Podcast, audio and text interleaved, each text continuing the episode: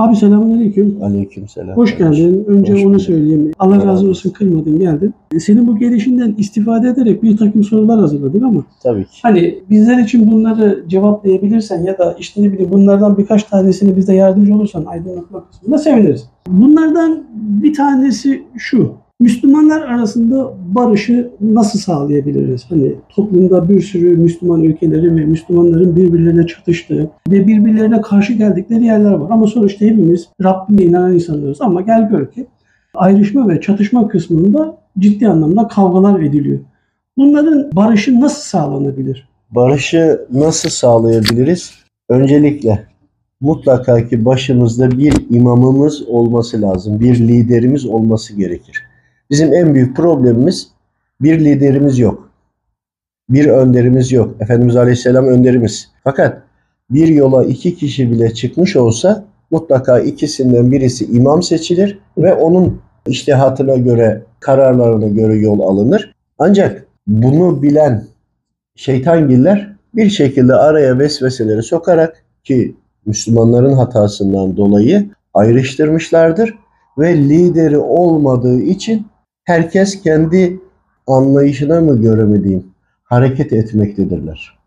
Bizim birleştirici, bir arada tutucu mezhepler arasında da, tarikatlar arasında da farklı iştihatlar olduğunda birliği sağlayacak mutlaka bir halifemiz olması gerekiyor. Ve bizler halifemizin söylediğine göre bütün dünya Müslümanlar olarak uyarak birliği ancak bu şekilde sağlarız. Diğer türlü birliği sağlama imkanımız yok. Çünkü herkes çıkıp kendisi kendi örneğin mezhebi üzerinde daha üstün olduğunu düşünür hale gelmiş. Halbuki dört mezhep haktır. Fakat örneğin namaz kılmada yani bizler Hanefi, sünne, e, Hanefi mezhebindeniz e, sünnetleriyle birlikte kırıyoruz.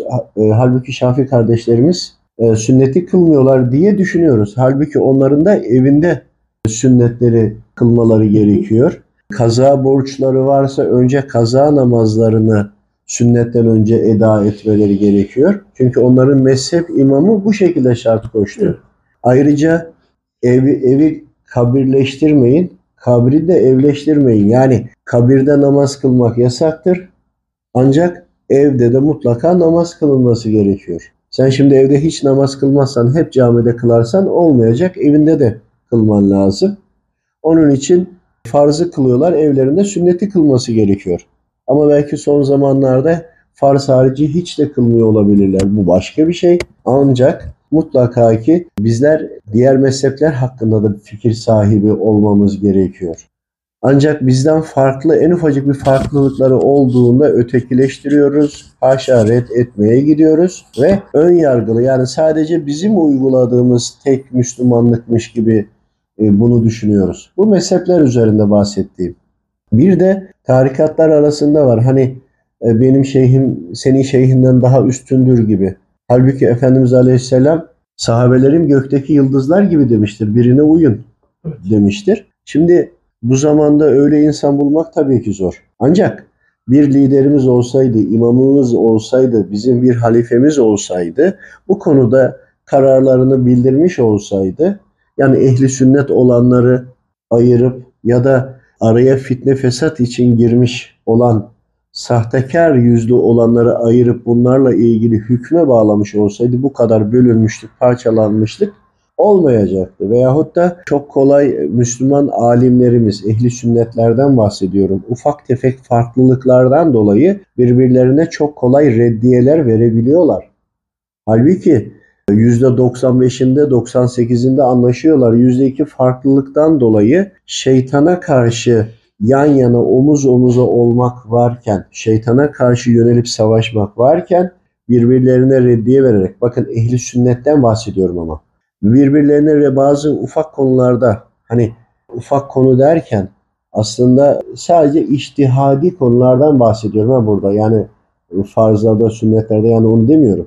Ufak böyle daha böyle anlaşılabilir, orta yol bulunabilir konularda birbirlerine dönmüşler, araya duvar örmüşler, birbirleriyle savaşır hale gelmişler. Halbuki düşmana karşı, şeytana karşı birlik ve beraberliğimiz bozulmuş ve bunun farkında değiliz.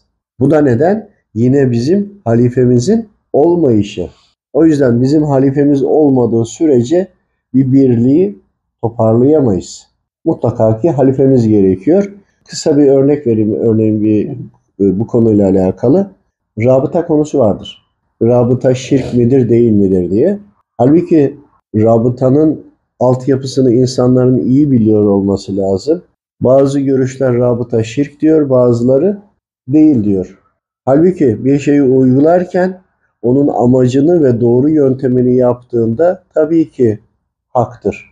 Ama onu yaparken farkında varmadan uygulayışta hata yaparlarsa bu da şirke düşer. Hangi bakış açısıyla yaptığını örneğin bunu da belirleyecek sınırları iştihat konusunda. Çünkü sürekli teknoloji değişiyor, sürekli yeni gelişmeler var. Hayatımıza giren bu teknolojiler, icatlar hayatımızı kolaylaştırdığı gibi bizi hataya da sürükleyebiliyor. Hangisini nasıl kullanmalıyız gibi bunlarla ilgili Müslümanların hepsinin tek bir kanaldan bilgilendirilmesi gerekiyor bütün şubelere. Bunlar olmayınca yani başımızda halifemiz olmadığında ki bunun olmayışı şeytanı daha da güçlendiriyor. Tek çatı altına toplanamıyoruz bütün dünya Müslümanları olarak. O zaman da Afrika'dakiler ayrı eziliyor. İşte e, Asya'dakiler ayrı, biz ayrı, Orta Doğu ayrı. Hepsi ayrı ayrı ve enteresan olan şu. Enteresan değil de şeytan hepsini ayrı ayrı örgütlemiş. Diğer bütün inanıştakilerin hepsi tek hedef olarak sadece Müslümanlara saldırıyor. Birbirlerine saldıran yok. Onun için bunun sebebi de bizim liderimizin, halifemizin olmayışıdır. Allah razı olsun. Senden de Allah razı olsun abi.